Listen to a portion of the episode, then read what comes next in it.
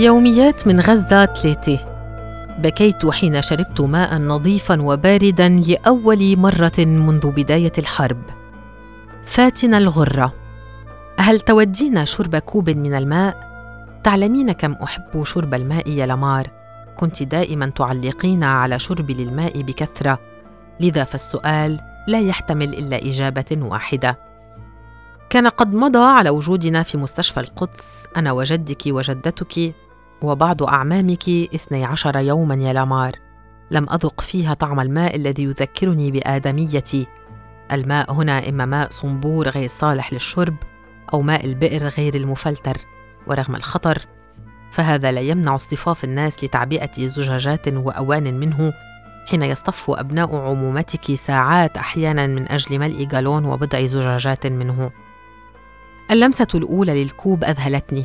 يا لحلاوة تلك اللمسة يا عمتي. كوب من الماء المفلتر البارد أشبه بمعجزة في غزة اليوم. ملمس الكوب الكرتوني في تلك اللحظة. أدخلني جنة بعيدة. فبكيت. بكيت لأن نفسي عزت علي. هل يدهشني كوب ماء بارد؟ هل يبكيني؟ البرودة دخلت أصابعي التي بدأ جلدها بالتقشر. جعلت الملح يسيل من عيني بصمت بعد 12 يوما في المستشفى والمكوث في ممر ضيق أمام عيون أناس لا أعرفهم. أصبت خلالها بتصلب في عظامي. أنام يا حبيبتي على الأرض مباشرة ولا يفصل بيني وبين برودتها إلا غطاء صوفي. بكيت لأن الماء كان باردا. هل هذا من أسباب البكاء المشروعة؟ لكن وكما هو حال من يعانون من عزة النفس بكيت بصمت. تساقطت بضع دموع تجمعت في نهاية المطاف على ذقني داخل الكوب الكرتوني. لم أكترث بطعمها لكن كفي بقيتا تمسكان ببرودة جدار الكوب. تعلمين معنى تلك البرودة التي نذوقها على مدار العام في البلاد التي ارتحلنا إليها بحثا عن الأمان. البرودة هناك كانت مجانية. نزلت الرشفة الأولى في فمي. وتذوق لساني طعم البرودة في صيف كصيف غزة الذي طال هذا العام على غير العادة. المياه وهي تنزل في جوفي تدفع معها مزيدا من الملح إلى عيني. انظر إلى الكوب وإلى الماء المتبقي فيه حتى لا يكتشف أحد ممن حولي مدى هشاشتي في تلك اللحظة. وحتى لا أضطر لمواجهة التساؤلات التي تقفز من الأفواه والعيون ولا طاقة لدي للإجابة عنها عن سبب بكائي.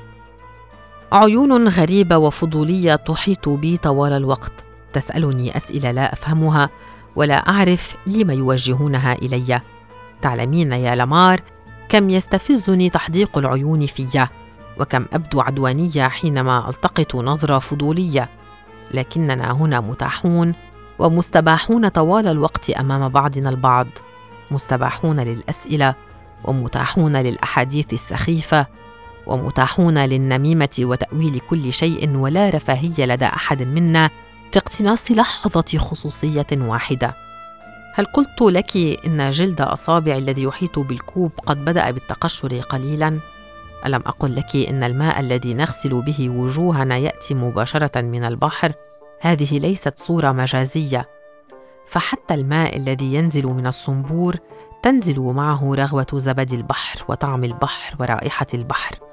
وهكذا يمكنني كل يوم ملامسة بحر غزة وشمه. رشفة أخرى من الماء البارد. أدعها تملأ كل جوانب فمي كي تزيل منه طعم الملح. ثم أتركها تنزل في حلقي بمنتهى البطء والسلاسة وكأنها أمر بديهي. عيناي مغمضتان وتمتصان كل لحظة من برودة تلك القطرات وحلاوتها. ربما لا تعلمين محتوى هذه الفواصل القصيرة. حسنا. بضع رشقات صاروخية ومدفعية تتطاير فوق رؤوسنا. طيور رخ لا يعرفها جيلك من الصغار بعد وربما لم يسمع عنها من قبل. هي طيور عملاقة حينما تملأ السماء لا يمكنك بعدها التمييز إن كنا في ليل أم في نهار حتى لو كانت ساعتك تشير إلى الثالثه بعد العصر.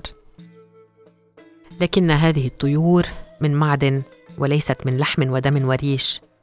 تنفث من فمها عبوات تحمل في بطونها جانبا من الجحيم تسقط على البيوت فتنزل على الأرض مثل بيت من رماد.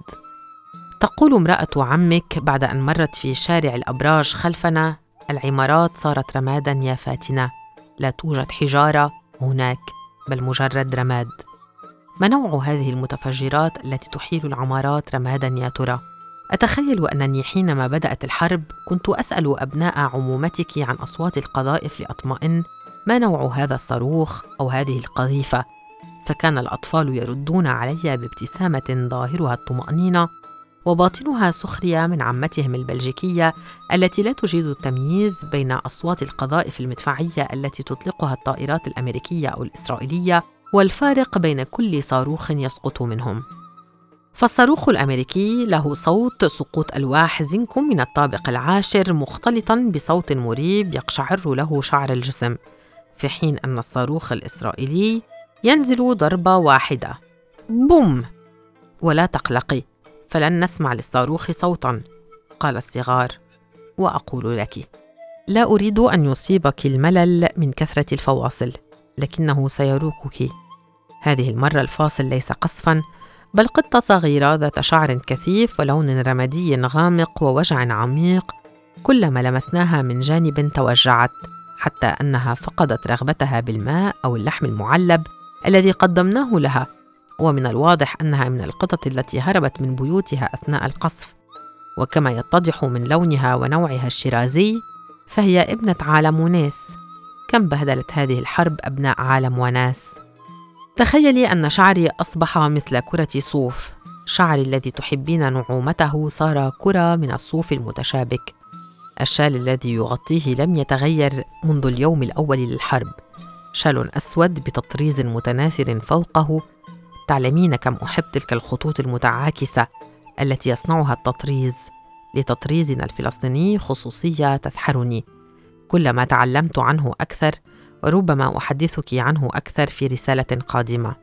عوده إلى كأس الماء البارد. البرودة تخللت جلد أصابعي إلى قلبي. وأدفأت عروقه التي تهتز بإيقاع متزايد مع كل قصف. ما علينا؟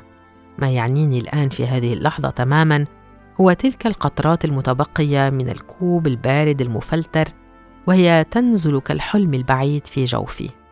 لامار الصغيرة الجميلة الذكية ابنة أخي ذات الإحدى عشر عاماً. صديقتي ونديمتي في ليالي البرد والاغتراب. تحب الكثير من الأشياء في هذه الحياة. أهمها أنها تريد أن تعيش لا أن توجد فقط. قالت لي بالإنجليزية ذات يوم I don't want just to be exist I want to live